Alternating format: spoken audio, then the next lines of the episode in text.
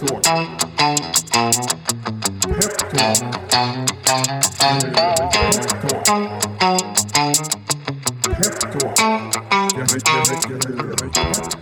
Hej och välkommen till ett nytt avsnitt av Peptalk som idag leds av mig, Niklas Danko. Och mig, Jakob Karlegatt. Och idag gästas vi av Isabelle Lövengrip. Vad roligt att ha dig här. Men jättekul att få komma hit. Du är med säkerhet välkänd bland många av våra lyssnare redan. Eh, Men om du själv får berätta, vem är du och hur skulle du titulera dig själv? Vad gör du till vardags? Ja, nej men jag är ju en serieentreprenör. Och har varit det sedan jag var tonåring. Startade första företaget när man var 16. Gjorde den här klassiska resan. att Man kommer från lite så här ruffig bakgrund, hoppa av gymnasiet, det här med drivkrafter och nu ska jag bli självständig. Det är ju en, en resa som man hör ganska mycket hos just entreprenörer. Men jag idag så, jag sålde ju en exit på mitt skönhetsmärke för tre år sedan och har valt att eh, ta det lite lugnt under tiden. Lärde mig paddel och golf. Som alla män där ute som ju exitar. Och sen nu har jag börjat investera. Så ja, det är kul. Är det, är det en oskriven lag om man säljer ett bolag att man måste börja spela padel och golf eller? Men det känns, det var ju lite ro, kul där på, på golfbanan just ute på Ingarö. Att det är ju en hubb för män som har liksom kommit en bit som har möjlighet att stå där fyra timmar liksom om dagen. Men det är ett jäkligt bra nätverkande. Ja, det kan jag tänka mig. Ja, Absolut. så, så det är verkligen rekommendera att eh, spara pengar, sök till en golfklubb och häng. Härligt. Eh, och vi tycker det är extra kul att ha dig här för du har ju liksom båda sidorna av entreprenörskapet. Du har både varit eh, och är entreprenör och sen även eh, investerare. Eh, så jag tänkte kolla lite, vill du ge oss en liten eh, update vad du har för engagemang idag? Ja, eh, men idag så är det, det var lite back to basic efter 2020 när jag sålde Lövengrip. För jag har under mina år startat 11 bolag. Och sen har jag investerat lite grann under tiden. Men just den här min operativ i bolagen har ju liksom tagit all tid. Vilket är såklart när man driver, jag tror jag hade fyra bolag som snurrade samtidigt.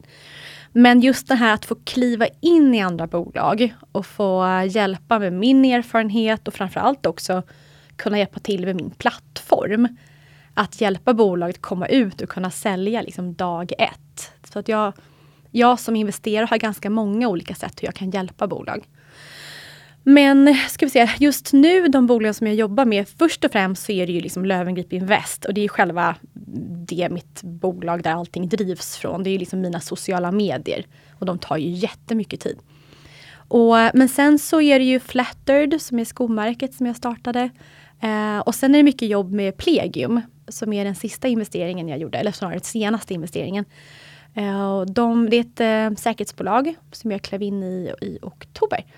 Så det är väldigt kul att få sitta med och planera så här, marknadsföringsstrategier. Och, Vill du berätta lite om vad de gör för någonting? Ja, Plegium är ett uppkopplat säkerhetsföretag. Och jag gillar att kliva in i bolag som har tjänster som är kanske liksom, inte, riktat mot kvinnor. I och med att jag har, den, jag har ju kvinnor mellan 30 och 50 som följer mig. Så det känns ganska naturligt att komma vid företag som har den liksom målgruppen såklart. Så det Plegium har bland annat en uppkopplad försvarsspray. Och så har de även andra uppkopplade produkter.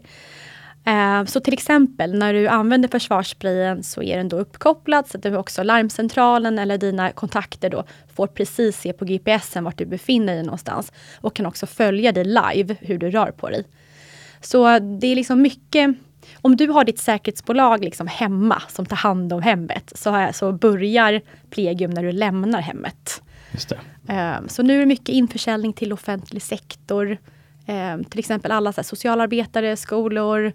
Eh, Det finns tyvärr en uppsjö av branscher idag som är i behov av uppkopplade säkerhetsprodukter. Just det. Jag tänkte på, du var inne lite på eh, där liksom hur du kan bidra Eh, i dina investeringar. Investerar du enbart i liksom, eh, verksamheter där du kan liksom ta mer en aktiv roll och bidra med någonting eller är du, går du bara in som finansiär ibland och liksom är passiv? Nej, och det är, ha- det, nej, utan jag vill bara gå in där jag faktiskt kan göra skillnad.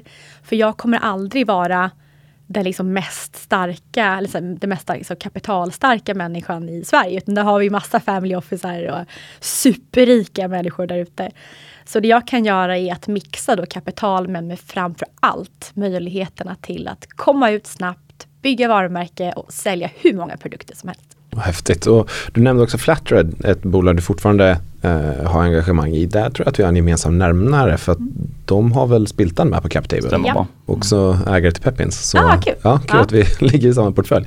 Men eh, om vi återvänder lite till entreprenören Isabella. Eh, hur gick det till när du startade ditt första bolag och hur fick du in ditt första startkapital? Ja, jag... När jag skulle starta mitt första företag, jag tror var, vad var det, 2006 då. Då var ju startkapitalet, eh, för att, eller ett aktiekapital för att starta ett bolag var 100 000 kronor. Och idag är det 25 000 tror jag. Ja. Mycket har hänt. Em, Tack och lov. Och, och det var ju så enormt mycket pengar. Man har inte, jag, hade ju aldrig sett 100 000 kronor på ett konto ens, liksom, när jag var 16 år gammal. Men då hade jag en killkompis som var DJ. Han hade så svindyr utrustning hemma med allt sånt där som jag inte förstår. Och, och då hade han använt det som en, eh, en apportegendom. Och när han, jag hörde det, att man kan ta någonting, ett värde av någonting som man har, ehm, som då kan liksom gyn, bolaget kan gynnas av, så slipper du de här 100 000 kronorna. Så då använde jag den här apportegendomen av min blogg.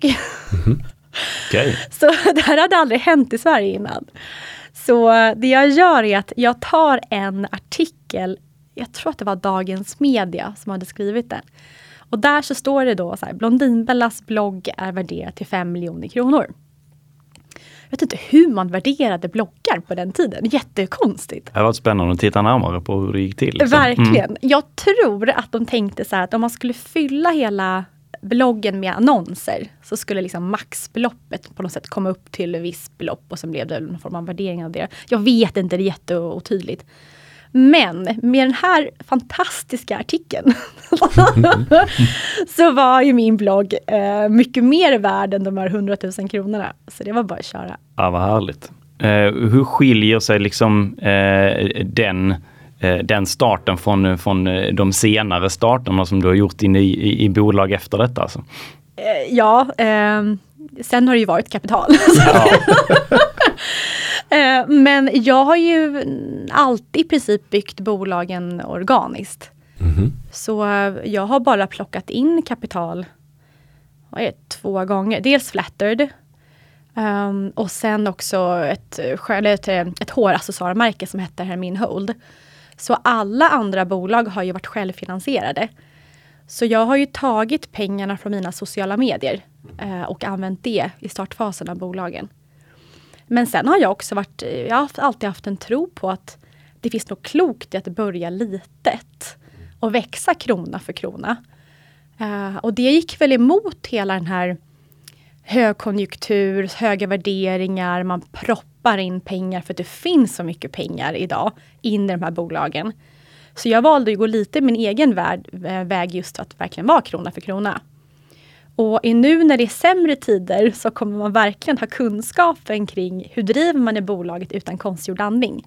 Eh, Så det är en bra erfarenhet. Så att det är egentligen de bolagen du har startat, de har mer eller mindre alltid varit så att det är organisk tillväxt som, som gäller. Ja, verkligen. Eh, nio av elva har Ja. varit. Men då tycker jag också att det är intressant för att du sa att du startade ditt första bolag 2000, Sex. 2006 och du har gjort 11 bolag sedan dess. Ehm, Känner du att genom åren att du blir bättre på att sälja in dina idéer eller blir dina idéer bättre som entreprenör? Bra fråga. Jag tror att när man är yngre och kliver in på ett möte och man behöver, om det är kapital eller man vill sälja in sin produkt till en, liksom en stor aktör. Då kommer man in på just enormt mycket energi och höga, liksom, stora visioner. Så att de här eh, seriösa, seniora personerna som sitter mitt emot den som ska antingen köpa in något eller som är liksom viktiga för mitt företag. De går igång på att så här, Åh, en 19-årig superglad tjej som vill lyckas ta över världen. Hon kommer in, wow, henne ska vi investera i. Men när man är liksom 32, då behöver man ha en annan, annan liksom strategi. Så men med åren så lär man sig också att du måste backa den här energin med siffror, med track record. Att du kan visa liksom att men jag har gjort det här tusen gånger förr.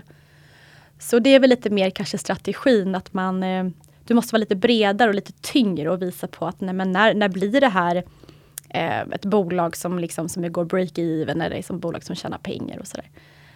Um, Så att när jag sålde in Lövengrip till stora liksom, apotekskedjor, då kunde jag inte bara prata om att jag har mina sociala medier, utan man, man var ju tvungen att liksom trycka på något annat. Eh, till exempel att man kunde hjälpa dem med deras digitala strategi eller prata om hur mycket vi kan driva hårvårdskategorin liksom, hos apoteket som inte hade det innan. Eh, så man måste vara lite bred. Så, så, även om du liksom får ett track record bakom dig så upplever du ändå att du, du får jobba lite hårdare och ha, behöver mer att visa upp så att säga för, för att bryta igenom? Mm. Ja, alltså, mm. såklart sociala medier är ju fortfarande lite så wow-faktor när man tar in en sån delägare. Just för att alltså, marknadsbudgeten är ju bland de högsta alltså, i själva när man har en budget för ett företag. Så kan man minska på den så blir ju liksom marginalerna något helt annat. Så det är klart att man är viktig. Um, men däremot om jag skulle starta ett bolag idag och behöver liksom jättemycket kapital, då kan jag inte bara utgå från mina sociala medier. Då måste det vara något annat. Förstår. Eh, har du någon uttalad strategi kring dina investeringsbeslut? Alltså hur, eh, eh hur, hur fattar du ett beslut om att gå in i ett bolag? Det finns ju massor. Um, Många pratar ju alltid som teamet och det är väl lite grann så här, tid och timing, det är väl jätteviktigt men det är ganska så här, tråkigt svar. För utan jag tycker så här, någonstans, jag orkar inte riktigt ändra så här, beteendemönster. Utan att ska man ändra ett beteende hos en person som ska köpa något nytt eller få in en ny vana, så tar det väldigt mycket tid och det tar väldigt mycket pengar att göra en sån sak. Um, så där jag befinner mig idag så tittar jag på bolag som redan har en, ett, um, men snarare så här, har en förbättring på någonting som redan existerar. Uh, att man är någonstans, alltså det finns en jättemarknad som är mogen redan. Um, att den inte är så konjunkturkänslig på samma sätt. Så jag tror det snarare handlar om att det, att det är ett bolag också som inte kräver så mycket liksom, nytt kapital hela tiden. Att runwayen är liksom alldeles för kort. Så jag, jag skulle säga att jag tittar väl på någon form av men lite så här, det ska vara lite tryggt, lite tråkigt, lite så här Warren Buffett tråkigt. Komma in att det ska vara så här hyfsad låg värdering, det finns en produkt som liksom kan växa långsamt. Jag har aldrig varit den här personen som ska göra liksom shortcuts, det ska gå fort, det ska tjäna jättemycket pengar utan jag är lite så här, är lite långsam av mig och det är fine. Så skruva ner risken lite på, på de liksom, eh, investeringarna du gör. Det är inte eh, jättehög risk i de casen alltså? Nej, och jag, eh, när jag träffar, nu träffar jag kanske fyra, fem bolag i veckan. Och det är jättekul, det är typ det roligaste i vardagen. Och, och då är det när, när personerna kliver in och säger så här, vi kommer tjäna så här och omsätta så här och 5% av marknaden ger det här. Alltså jag blir allergisk. Utan framförallt i de här tiderna också, att man måste liksom kunna backa och kunna liksom, ja, visa på vad är det vi säger, finns det liksom någon sanning bakom? Så någonting som jag gör idag är att jag skulle aldrig kliva in på liksom en pdf. Alltså på en själva, så när man bara har någonting på papper. Utan du måste hålla på ett år, du måste visa att produkten eller tjänsten fungerar. När jag ser att själva bolagets grund funkar, då vet jag att då kan jag komma in och skala upp. Och då blir det intressant de ska liksom passera någon form av proof of concept och, och ha lite track record att liksom, som du kan titta på. Liksom. Ja, mm. verkligen. För då ser jag också så här, var någonstans kan min pusselbit komma in i det här företaget. Uh, så att absolut, ja, men tid och timing är jätteviktigt. Men sen också, det måste finnas någon form av här, stabilitet bakom. Att kan det här bolaget växa under väldigt lång sikt? Och framförallt såklart kan man skala på flera marknader. Men det tycker jag låter jätteintressant att du säger att du träffar fyra, fem bolag i veckan. Det är, ju... det är jättekul och jättemycket. Ja, nej men vad roligt. För då tänker jag på att under den här, de här åren som du har gjort det, eh, har du tittat på någonting som är just riktigt jättespännande som du skulle kunna dela med oss? Eh, även om du kanske passar på själva investeringen där eller om du faktiskt var med på tåget. Är det mm. någonting som står ut? De här att jag träffar jättemycket bolag nu har ju egentligen bara varit de sista fyra månaderna. Okay. Eh, så sen har jag ju drivit mina egna bolag väldigt mycket. Mm. Eh, och det, det, är det som är så kul att idag har jag tiden. Men det, den bästa investeringen hittills, eh, det gjorde jag när jag var 25 och det är Natural Cycles. Ja just det, ja den här appen. Ja mm. precis, så det var ett digitalt preventivmedel som kom Um, och där säger jag emot mig själv, för där var man verkligen tvungen att ändra ett beteendemönster hos mm. en kvinna. Um, och där, för, för det de gör, att de lanserade ju ett digitalt preventivmedel. Och det är inte lätt. Alltså, att få en kvinna att gå från liksom ett, ett vanligt hor hormon-p-piller till ett digitalt i en app var jäkligt svårt. Men jag tog på mig den rollen. Jag sa det till Natural Cycles att ge mig ett år så ska jag lansera det i Sverige. Jag klev in en av de första i bolaget. Jag har kvar mina aktier och de värderar till en miljard, har sitt säte i New York. Um, hjälpt miljontals kvinnor runt om i hela världen. Mm. Uh, så det, det var det dels så här, själsligt är det fantastiskt att få hjälpa kvinnorna att ha ett hormonfritt alternativ. Men sen också såklart att det är en, det är en jättemultipel på den investeringen jag har gjort om bolaget liksom går bra. Ja, jag har klar. valt att inte sälja av trots att jag har fått liksom, möjlighet är det kanske från den resan också som du tar med dig det här att det är roligare att inte ändra beteenden för du vet Du har lärt dig någonting. jag har lärt mig det. Men gud, det är, så, det, det, är svårt att sälja på någonting som inte har existerat innan. Och jag, jag, det är när bolagen som jag träffar idag, då är det så här att ja, men vi ska få människor att dricka det här eller äta det här eller använda den här appen. Och finns det på något sätt inget bet så naturligt beteende inom det så blir det jäkligt svårt att få någon att plocka fram en extra shake i kylen som man aldrig liksom använt innan. Då behöver du så enormt mycket marknadspengar för att hela tiden påminna personer att så här, just det, det är så här jag ska göra varje dag. Uh, så, så jag backar från sånt. Yeah.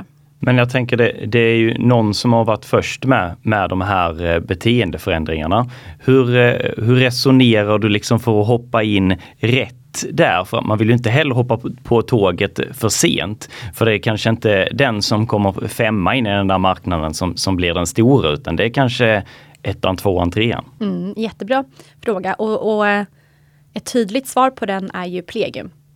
Mm. För just i USA har var fjärde vuxen person en pepparspray på sig. Och det är, det är inget konstigt att gå och köpa en pepparspray i USA. I Sverige så får vi såklart inte sälja pepparspray men vi har lagliga sprayer som oftast är mentolbaserade. I Sverige är det inte naturligt att gå runt med en försvarsspray i, i, i fickan. Men om jag får sia lite grann vår så här, dystra framtid i Sverige så tror jag just att så här, personsäkerhet är någonting som kommer att öka. Och, och, då handlar det inte bara om att gå runt, för det finns så bodyguard för så här 100 spänn på någon så butik någonstans och då är det bara till exempel en röd färg. Här är en uppkopplad produkt som man sen kan lägga in en kamera i. Så att när man behöver använda den där så kommer du kunna identifiera vem som har gått på dig. Eh, du kommer, den kan bli direkt uppkopplad till larmcentralen och den har till exempel en UV-färg som gör att de inte, kan, som inte försvinner på kroppen på flera dagar. Um, och framförallt också rent timingmässigt med alla lärare som tyvärr behöver gå runt med, med uppkopplade larmknappar. Och där har vi tagit fram världens minsta larmknapp som är uppkopplad. Bara för att den ska kunna sitta i fickan och så enkelt. Så där är verkligen ett exempel på att det existerar en bransch. Vi gör om någonting som redan finns. Um, men det har inte slagit riktigt i Sverige. Men min tro är att det kommer att slå i Sverige. Bra att ni finns, synd att ni behövs om man säger så. Ja. Men um, om vi tittar på motsatsen då. Det här var ju, om vi stannar vid Plegium och Natural Cycle, så motsatsen. Uh, vad är den värsta investering som du har varit involverad i eller åtminstone som du har tittat på? Att du tänkte att det här kommer aldrig gå eller här, här verkligen duckar jag för någonting. Eller har du gått på någon riktig mina? För man lär sig ju under, under sin karriär tänker jag. Ja, nej men av mina elva bolag så har ju majoriteten varit katastrof. Alltså sju av bolagen har ju verkligen fått lägga ner för att det inte gick. Mm. Mm. Och, ehm, och det är en ganska vanlig träffar några entreprenörer så har de flesta en historia med bolag som inte har funkat. Men man pratar inte så mycket om det. Men, men det som är typiskt hos galna entreprenörer det är att hoppar man av gymnasiet så startar man sitt femte bolag. Kanske man tänker så här, ah, men nu går jag tillbaka till skolan för nu har jag startat fem bolag som inte funkar. Men vi galna entreprenörer tänker, ah, men jag startar ett sjätte, jag testar ett sjunde också. Man är ju knäpp. Men absolut, så att man har ju både startat bolag och investerat bolag som har varit liksom helt sådär dåliga. Um, ett av bolagen startade jag väl för att jag tyckte att det kändes kul och det var en tidning. Och man startar inte tidningarna, tidningar i den här tiden. Det är så fysisk tidning. Det här var i och för sig för 12 år sedan men det var ju fortfarande liksom på väg bort. Men jag fick någon så konstig envis tanke om att jag ska ha en tidning utan retuschering och det ska vara så starka kvinnor och sådär. Men det är också ett tecken på att är tajmingen fel så spelar det ingen roll hur bra produkten är. Och hur mycket gott man vill göra för samhället så går det inte om liksom hela branschen är på väg att försvinna. Eh, och det tror jag också är vanligt hos entreprenörer, att man blundar lite grann för att det kanske är fel tillfälle eh, att lansera, utan man blir blind och kämpar, kämpar, kämpar i motvind. Och då gäller det att vara prestigelös och bara här, släppa det. Det här gick inte. Och jag tror mycket det har med att vår, vår svenska lite så här jantelag, att man är så rädd för att misslyckas. Det är, det, det, så man skäms bland liksom i familjen, i släkten eller kompisgänget och säga så här, äh, jag la ner mitt företag, det gick åt helvete. Och I USA så har vi såklart en helt annan attityd till att börja om. Och företag som jag träffat som jag, som jag liksom håller mig borta från, det är mycket jag ska inte säga emot mig själv, för vissa jag tittar på är ju såklart prenumerationstjänster. Men det är väldigt mycket prenumerationstjänster. Um, och, och, självklart så det är ju så man egentligen gör idag, för du måste ju binda upp kunden till någon tjänst eller produkt som man behöver i vardagen. Alltså det, det, det är en bra strategi. Men, man, men jag träffar företag som har prenumerationstjänster på så idiotiska grejer. det kan alltid vara så här städprodukt eller så här påsar hem eller eh, det finns massa sådana här grejer och, och jag känner att alltså, mm, jag vet inte, man kanske inte vill ha påsar hem till dörren varje vecka eller eh, tvättmedel hem till dörren varje utan jag kan klicka in på Mathem och liksom beställa en sån själv. Eh, så lite det och sen så får jag mycket det är så kul för det går så mycket trender. När, eh, när Daniel Wellington eh, blev stort med, ja, med klockmärket, då kom det in så här 20-30 företag som var ett klockmärke som ville, som ville ha kapital. Där vi är nu, där alla slåss och kommer till mig, det är eh, vitaminer. Okay. Som är så här, eh, att de ska vara personliga vitaminer som ska vara superbra, som kommer i så här refill-burkar så du prenumererar på dem. Och det är klart att det är någon som kommer att liksom superlyckas med det där. Men just jag har sett otroligt många sådana just refill och prenumerationstjänst på vitaminer. Eh, och den är svår tror jag att bli liksom marknadsledande på just för att det finns en uppsjö av vitaminverken. Um, ehm, så, så det är väl svaret på lite grann bolag som jag inte kliver in i. När det finns en uppsjö jag själv inte tror att jag skulle liksom konsumera produkten. Så det är väl en ganska bra start att börja där. Ja, gå till sig själv och kolla vad ja, man själv bra ja. start. Ja, verkligen. Men du var inne lite där på liksom eh, timing, att eh, det har du lärt dig av, av dina konkurser så att säga. Att, Aldrig att, någon konkurs, men, men att de varit nedlagda. Ja, eh, ursäkta, eh, att de blev nedlagda. Men är det någonting mer du har tagit, tagit med dig därifrån som, eh, som liksom är en viktig lärdom som du har med dig, som du vill dela? Alltså jag kan skriva en bok om allt fel jag har gjort. Men en sån här grund, grundläggande sak är väl eh, aktieavtalet. Där, det tog ganska många år för mig att förstå vikten av ett aktie, aktieägaravtal och att man verkligen lägger lite pengar på det. Och att man har en egen jurist som läser igenom det och någon annan som, som, eh, som gör den. Um, och verkligen för att man, upp, alltså att man har ett avtal som säger att vad man förväntar sig av alla parter i bolaget. Och också att vad händer den dagen som någon av oss i företaget inte vill fortsätta? Om någon vill sälja, någon skiljer sig från någon annan, hur gör man då? För att man, man går alltid in med sån passion och glädje när man startar någonting så man ser inget slut. Och det är jättefarligt att man måste vara den här supertråkiga personen som säger så här, vad gör vi om fem år om alla vi hatar varandra? Och, och, så har jag varit så duktig när jag i mina privata relationer och liksom gift mig och bott sambo. Jag är direkt så här, här är samboavtalet, här är mitt äktenskapsförord. Mm. Så jag är den här tråkiga, du vet, som, som, som tänker, som tar lite risk och så här, jag har det i mig. Uh, så det skulle jag verkligen lägga, liksom trycka på ett bra aktieägaravtal. Och inte heller starta bolag med någon som du har träffat här, tre gånger på en fest och tycker så här, wow, vi klickar och har en fantastisk idé. Utan verkligen så här, träffas ett tag och, och känn verkligen, är, är, det en, är det en bra match det här? Då tänker jag också på att vissa säger att du ska aldrig starta bolag med dina, dina vänner för då slutar vänskapen om bolaget går dåligt. Men eh, hur, hur, ser du på det? För du har ju väldigt många eh, co-founders i vissa bolag och så vidare. Har du någon idé om vem man ska och inte ska starta med? Mm, det är också en, en av lärdomarna att de bolagen som jag har startat med vänner, eh, där är vi inte vänner längre. Eh, så det är jättetråkigt. Men det är verkligen så varje gång jag startat med en vän så någonstans under vägen så funkar det inte och idag så har vi ingen relation. Och det misstaget har jag gjort flera gånger. Och den är lite svår för Paul som jag lever med, eh, vi gör ofta saminvesteringar. Alltså vi tittar till exempel som Plegium så gick vi in båda två. Men där är, jag skulle inte starta ett gemensamt bolag med honom och investera så, utan det är för en hög risk och även risk för Plegium som bolag.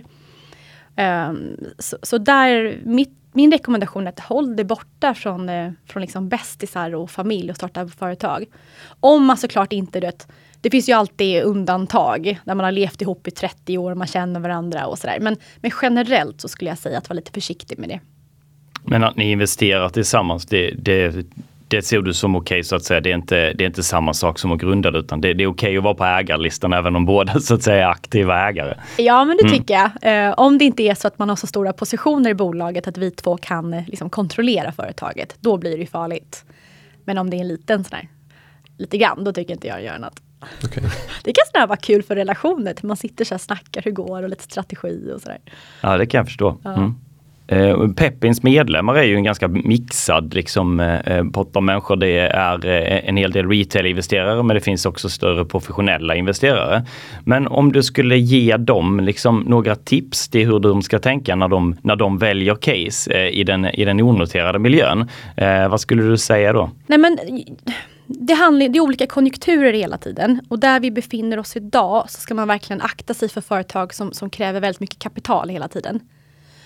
Um, att man verkligen ser så här, men det är fem års horisont kring att bolaget liksom är, har gått, ja men något break-even eller tjäna pengar. Att så här, det kanske inte är rätt situation just nu att göra det. Vi ser att det är jättemånga företag som verkligen försöker resa så mycket pengar som man kan just nu för att man vet inte vad som händer i framtiden. Men det är också så här lite grann att aha, hur länge klarar man sig på dem? Har vi en kärnverksamhet som kommer att snurra av sig själv eller är vi beroende av det här kapitalet väldigt länge? Så där hade jag verkligen så fokuserat på är det, hur hög risk är det? Är det ett hälsosamt bolag från start? Är det grundare som är medvetna om hur man driver ett företag liksom med lite pengar? Att man, att man liksom en hustler, att man förhandlar avtal och inte bara så bränner bort pengarna och tar ut höga löner. Och sen kanske att man investerar i företag där folk har haft företag innan. Så jag skulle snarare säga att under den tiden som kommer just nu, att vara lite försiktig. Kliv in i verksamheter som du har koll på.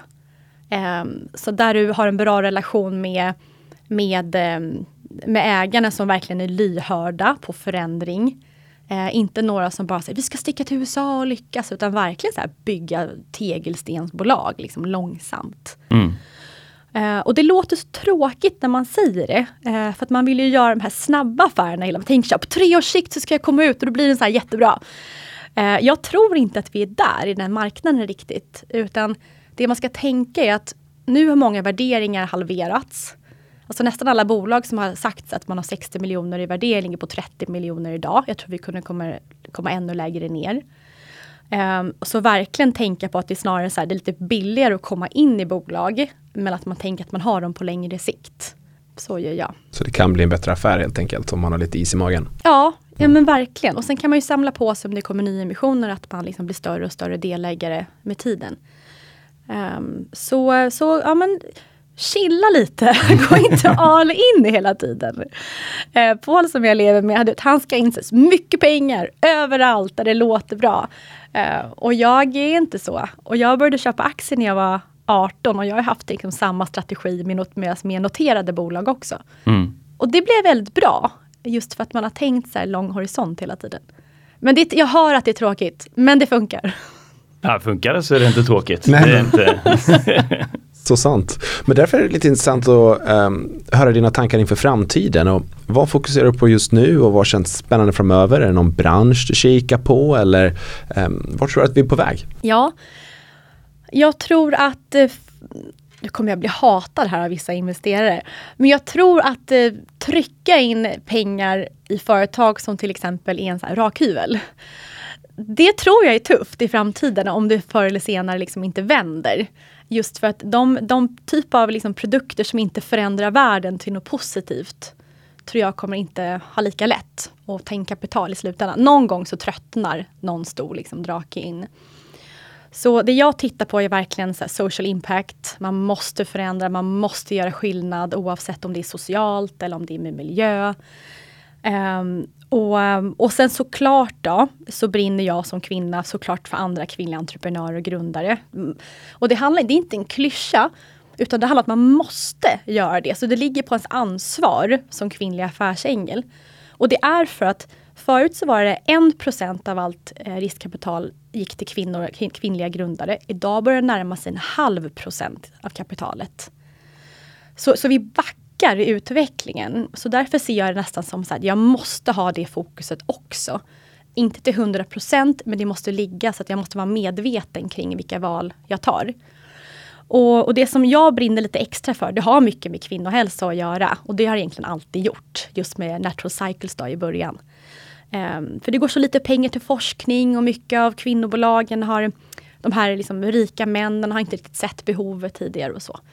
Så av naturliga skäl så är det någonting som jag tittar lite extra på just nu. Och sen så går det ju bra ihop med din, din eh, typ av följarskara så att säga, så att om du kan bidra till bolagen. Ja men precis, mm. så det är, nej, men det är jätteviktigt att jag, jag vill förändra, jag vill kunna jag, jag, måste kunna somna gott på natten och känna att jag har gjort något bra.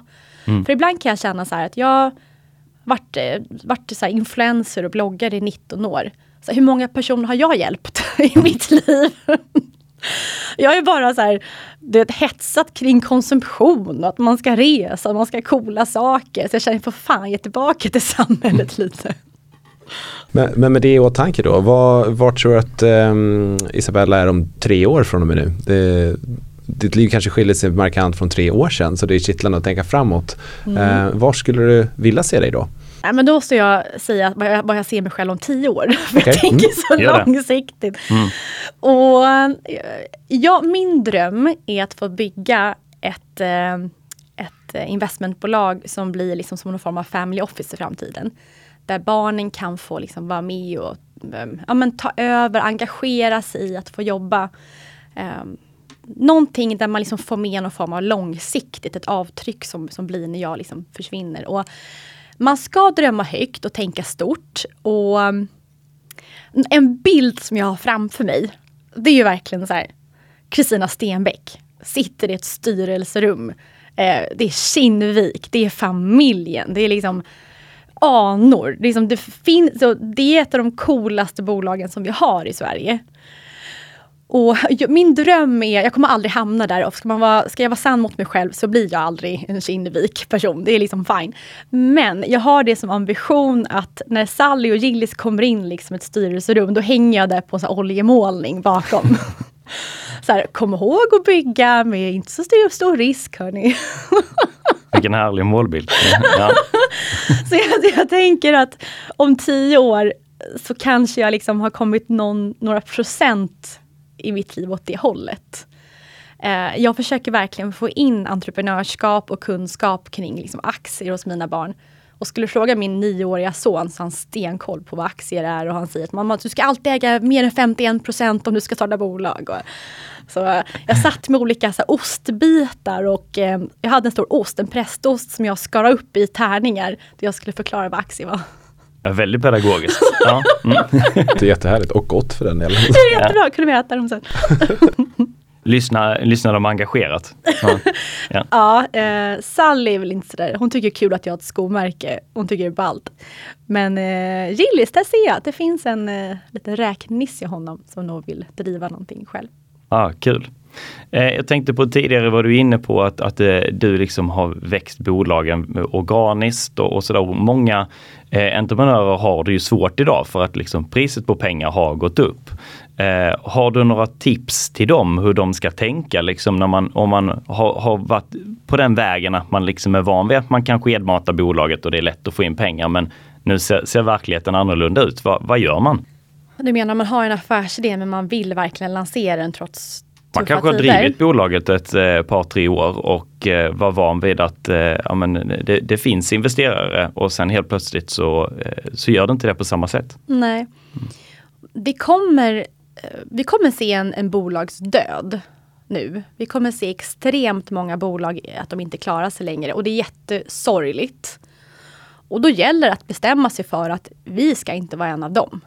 Utan vi ska hålla ut. Och då måste man verkligen ha det här tänket att så här, okej, okay, nu kommer den här konjunkturen. Vi ska överleva den. Vi vet inte hur länge den kommer hålla på. Vi måste styra om vår verksamhet så att vi ska verkligen överleva så länge som det går. Kan vi byta kontor, få lägre hyror? Kan vi dra ner våra löner lite grann? Kan vi minska vårt lager, bara sälja de produkterna vi verkligen vet försvinner? Eh, kan vi sälja våra tjänster mer någonstans?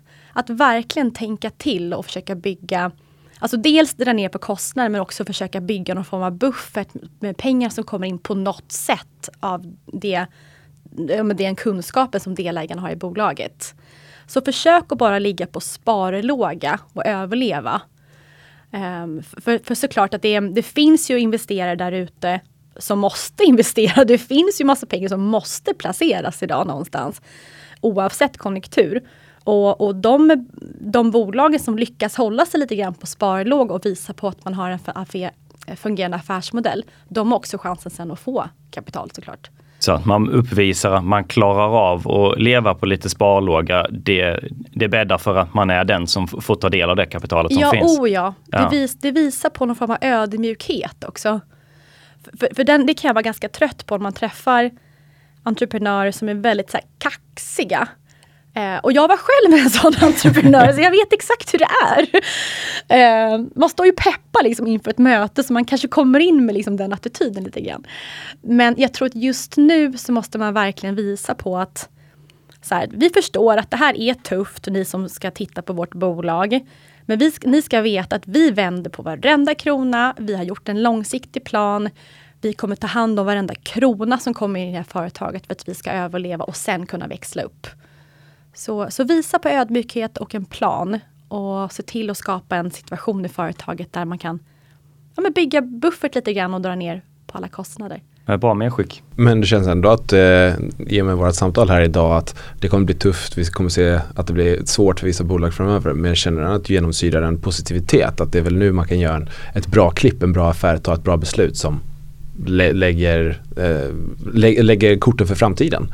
Är du optimistisk på framtiden eller när tror du att det vänder? Jag är en väldigt optimistisk person. Eh, jag, har, jag, man, jag har alltid haft ganska länge så här, men, så här, killar, kompisar som tradar mycket och sådär. Och de har alltid så här, trott att samhället, allting bara ska krascha så här, när som helst, hela tiden. Bara, nu brister, nu kommer det krascha.